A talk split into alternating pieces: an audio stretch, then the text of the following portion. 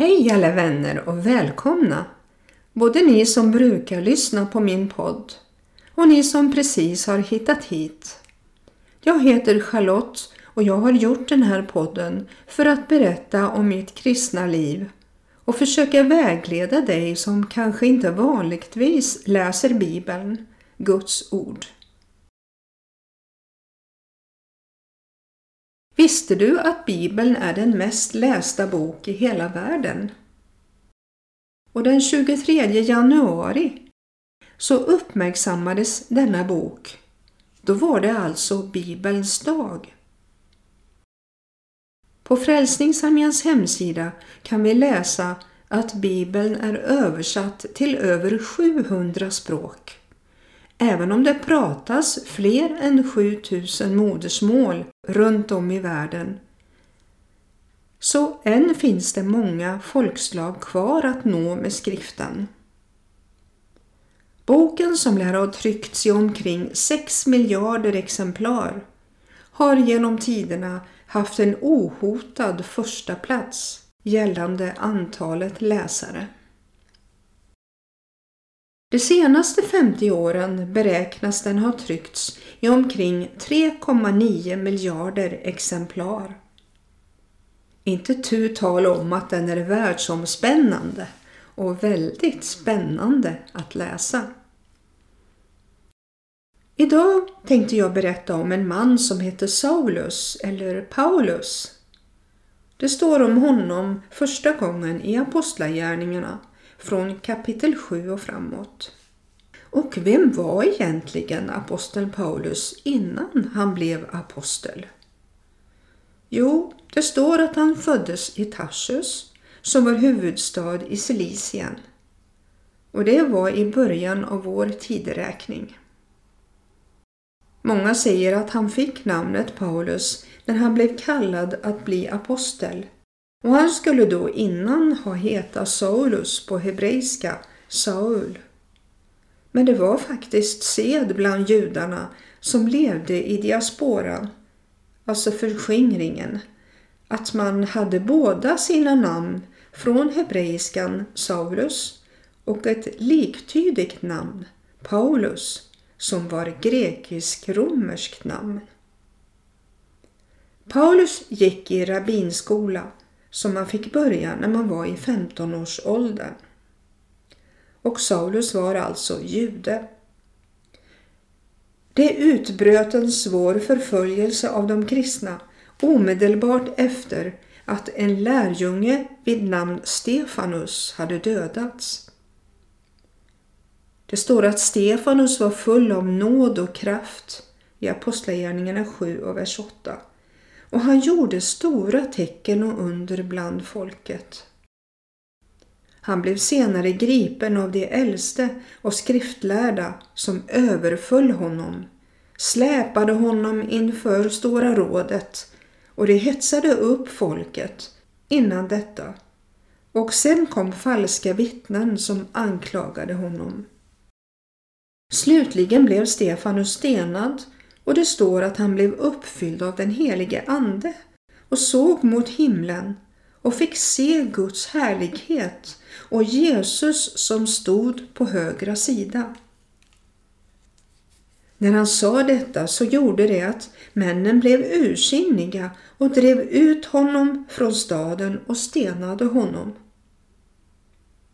Därefter står det i samma kapitel, vers 58, att när de skulle stena Stefanus så lade vittnena sina mantlar vid fötterna på en ung man som hette Saulus.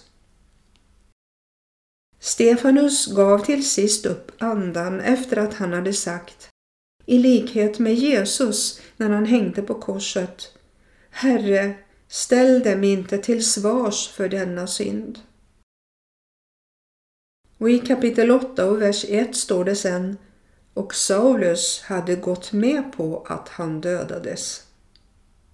Så efter detta utbröt en svår förföljelse av de kristna i Jerusalem. Och alla utom apostlarna skingrades över Judeen och Samarien. Saulus ville vinna rättfärdighet genom att följa lagen. Och han gick så långt att han försökte utplåna den kristna församlingen.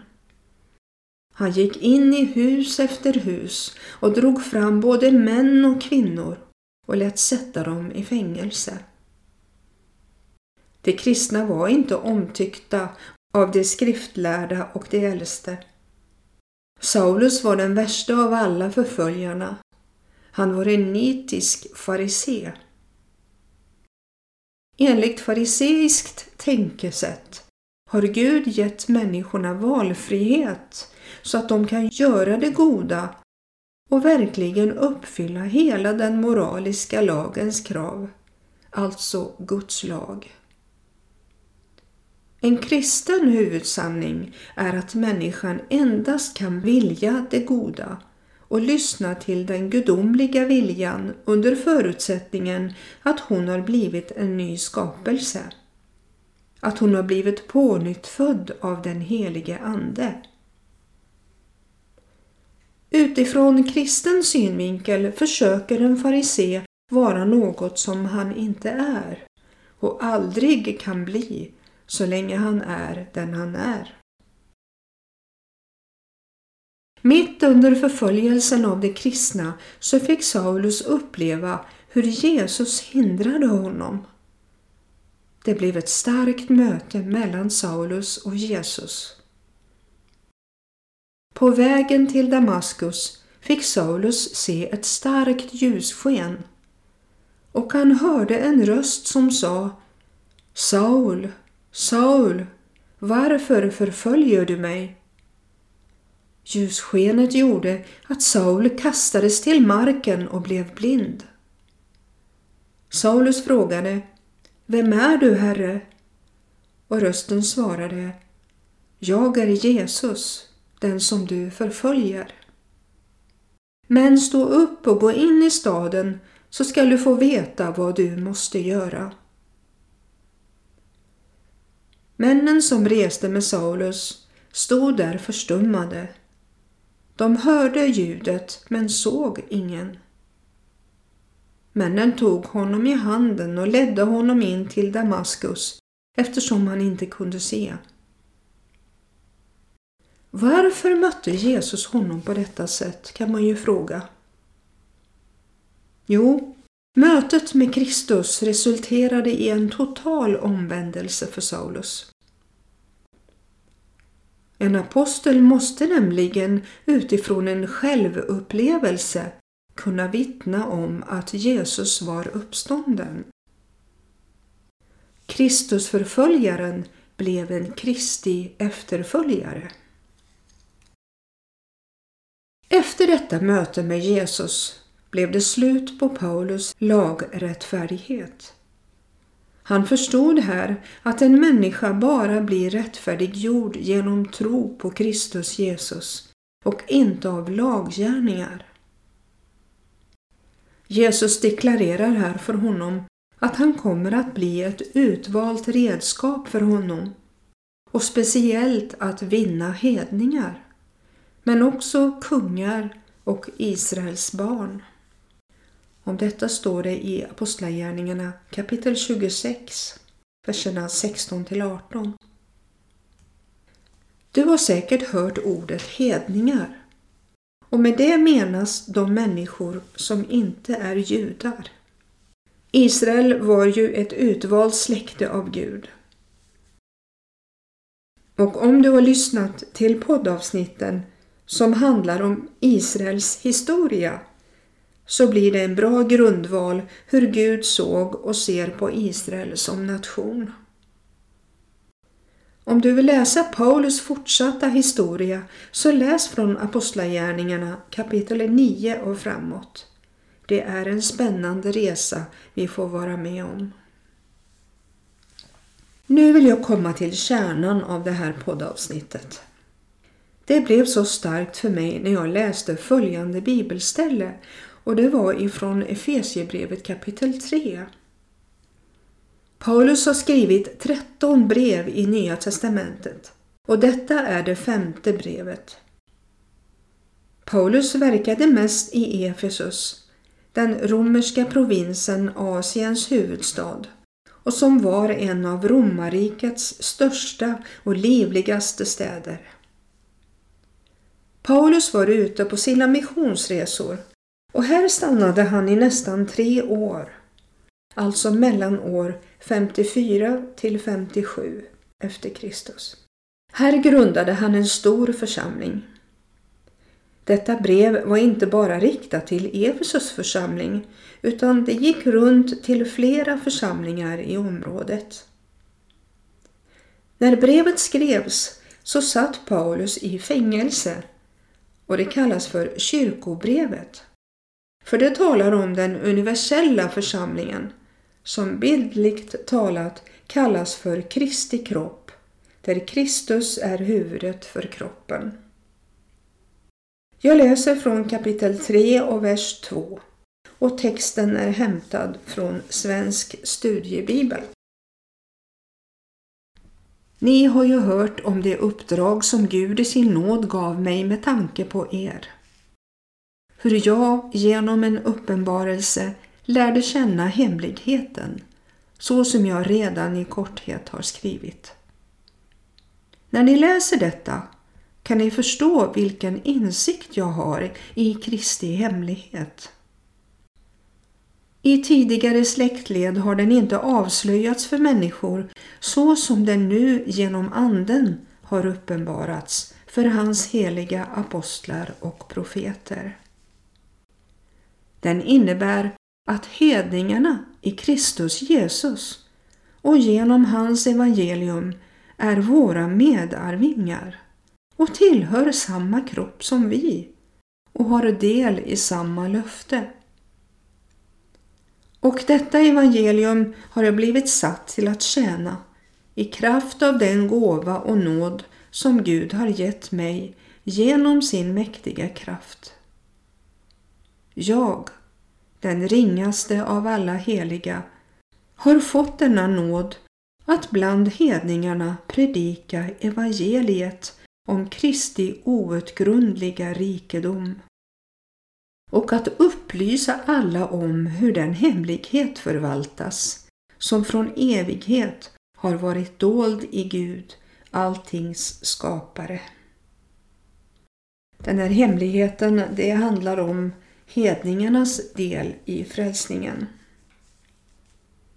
Så skulle Guds vishet i sin mångfald nu genom församlingen göras känd för härskarna och väldigheterna i den himmelska världen. Detta var det eviga beslut som han utförde i Kristus Jesus, vår Herre. I Jesus och genom tron på honom kan vi frimodigt och med tillförsikt träda fram inför Gud. Därför ber jag er att inte tappa modet när jag lider för er skull. Att jag lider är ju en ära för er. Därför böjer jag mina knän för Fadern, han från vilken allt vad Fader heter i himlen och på jorden har sitt namn. Jag ber att han i sin härlighets rikedom skall ge kraft och styrka åt er inre människa genom sin ande och att Kristus genom tron skall bo i era hjärtan och ni skall bli rotade och grundade i kärleken.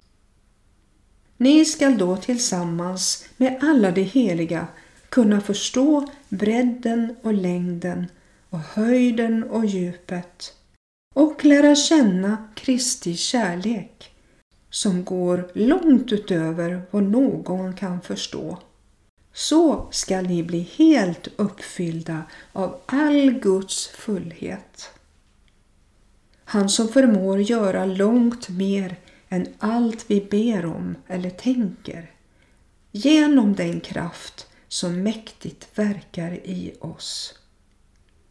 Honom tillhör äran i församlingen och i Kristus Jesus genom alla släktled i evigheternas evighet. Amen. Där tog det slut, kapitel 3 i Efesiebrevet. Det kändes när jag läste de här verserna att Paulus hade sån kärlek till hedningar. Och det var just hedningar och judekristna som blev förföljda, som blev satta i fängelse på grund av deras tro. Och här sitter då Paulus i fängelse och visar sån omsorg och kärlek till alla och speciellt till hedningarna. Man skulle kunna tänka att, att det skulle vara förnedrande för Paulus att skriva så här. Men jag tror att när Paulus upplevde det här mötet med Jesus Kristus så fick han också uppleva att Jesus Kristus är kärleken själv. Och där fick han också ett bevis för att Jesus levde. Han var ingen villolärare utan han var Messias, den smorde, Guds egen son.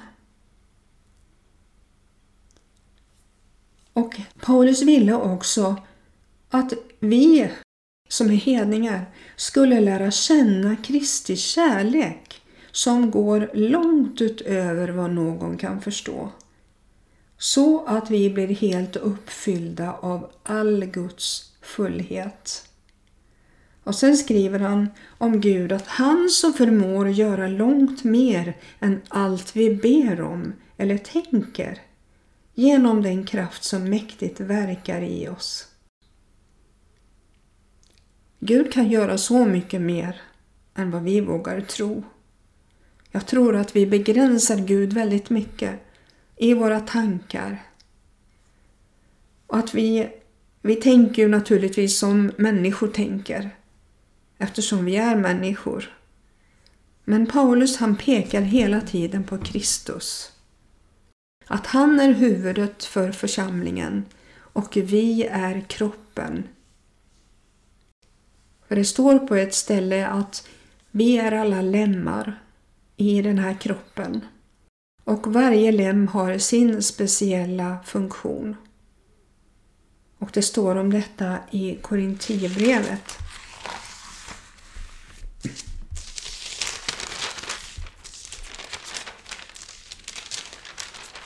I första Korintierbrevet står det.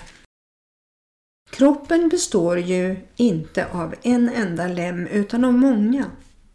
Om foten sa eftersom jag inte är hand så hör jag inte till kroppen, så hör den ändå till kroppen. Och om örat sa eftersom jag inte är öga hör jag inte till kroppen, så hör det ändå till kroppen. Om hela kroppen vore öga, hur skulle den då kunna höra? Om hela kroppen vore öra, hur skulle den då kunna känna lukt? Men nu har Gud satt lemmarna i kroppen, var och en av dem som han har velat. Om alltsammans vore en enda lem, var vore då kroppen?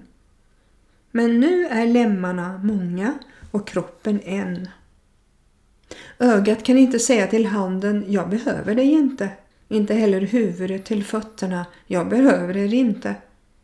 Nej, Tvärtom är det av kroppens lemmar som vi anser svagast så mycket mer nödvändiga. Och de lemmar i kroppen som vi anser värda mindre heder klär vi med så mycket större heder. Och dem som vi blygs för skyller vi med så mycket större anständighet. Något som de andra inte behöver. Men Gud har fogat samman kroppen och gett den oansenligare lemmen större heder för att det inte ska uppstå splittring i kroppen utan lemmarna har samma omsorg om varandra. Det här står i första Korintierbrevet kapitel 12. Och Gud har ju i sin församling för det första satt några till apostlar och för det andra några till profeter och för det tredje några till lärare och vidare andra till att utföra kraftgärningar, andra till att få gåvor att bota sjuka, till att hjälpa, att styra och att tala olika slags tungomål. Och vi är alla lemmar i den här kroppen som församlingen kallas. Och varje lem är så betydelsefull. Även om du tycker att ja, men jag är bara en tumme eller, eller ett lillfinger i jämförelse på en vanlig människokropp så är du så betydelsefull för att du ska kunna bli använd på det sätt som Gud har bestämt. Paulus tackar Gud för oss. Han böjer sina knän, står det, och tackar Gud. Paulus skriver att han ber oss att inte tappa modet när han lider för vår skull. Och att han lider, det skulle vara en ära för oss. Och därför böjer jag mina knän för Fadern, han från vilken allt vad Fader heter i himlen och på jorden har sitt namn. Och han ber att Gud i sin härliges rikedom ska ge kraft och styrka åt er inre människa genom sin ande och att Kristus genom tron skall bo i våra hjärtan, eller i era hjärtan, och ni skall bli rotade och grundade i kärleken. Det är vad han ber för oss om. Paulus ger, ger så mycket uppmuntran i Bibeln. Och han skriver senare i kapitel 4 om det nya livet i Kristus. Att vi ska inte leva som vi gjorde förut innan vi blev troende. Vi ska inte leva som hedningarna, alltså som världens barn. För deras tankar är tomma, deras förstånd är förmörkat. De är främmande för livet i Gud därför att de är okunniga och i sina hjärtan hårda som sten. Gud vill att vi ska ha ett hjärta av kött och inte av sten. Och det är ju så när man blir frälst så blir man en ny skapelse. Här står i Andra Korintierbrevet kapitel 5 och 17. Alltså om någon är i Kristus är han en ny skapelse. Det gamla är förbi, se det nya har kommit. Alltså allt kommer från Gud som har försonat oss med sig själv genom Kristus Jesus. Gud var i Kristus och försonade världen med sig själv. Gud steg ner i människogestalt och han försonade oss med sig själv. Genom att Kristus dog på korset för alla våra synder. Han tog våra synder på sig på korset. Och han uppstod på tredje dagen och bevisade därmed att han hade övervunnit all synd, alla sjukdomar. Och han uppstod också för att vi skulle få ett evigt liv. Så när vi blir frälsta så blir vi nya skapelser. Och det står i fjärde kapitlet i Efesierbrevet att ni har lämnat ert förra liv och lagt av den gamla människan som går under, bedragen av sina begär. Och ni förnyas nu till ande och sinne. Och för att vi ska kunna förnyas till ande och sinne då bör vi stanna kvar hos Jesus och låt oss undervisas i hans ord. Och att framförallt att be att förbli i Kristus Jesus. Det säger Jesus Johannes evangelium. Om ni håller mina bud förblir ni i min kärlek, liksom jag har hållit min faders bud och förblir i hans kärlek. Detta har jag talat till er för att min glädje ska vara i er och för att er glädje ska bli fullkomlig. Om någon förblir i mig och mina ord förblir i er, så be om vad ni vill och ni skall få det. Så vi ska förbli i Jesus Kristus. Vi ska få all vår näring från honom. Och han har ju gett oss Hjälparen den heliga Ande som Fadern sände i Jesu Kristi namn som ska lära oss allt och påminna oss om allt som Jesus har sagt. En annan sak som jag tänkte på det är friden. Frid lämnar jag efter mig åt er, säger Jesus. Och han ger oss inte en sån frid som världen ger. Utan han ger en himmelsk frid. Och sen säger han i vers 27 i kapitel 14 i Johannes evangeliet Låt inte era hjärtan oroas och var inte modlösa. Alltså, vi skulle kunna bestämma det själva. Att vi inte ska låta oss oroas. Utan vi talar ut vad Guds ord säger. Att Kristus har kommit för att ge oss den frid som inte hör till världen utan en himmelsk frid. Vi har så mycket gott i frälsningen. Vi har så mycket, mycket gott i Gud. Och han är med oss hela tiden. Han talar om för oss hur vi ska leva våra liv genom sitt ord. Och han kan tala till oss när vi stillar oss inför honom, när vi ber till honom och låter honom få tala. Så vet vi att Gud är med oss alla dagar intill tidens slut. Det säger Jesus själv i Matteus 28 när han ger oss missionsbefallningen Se, jag är med er alla dagar intill tidens slut.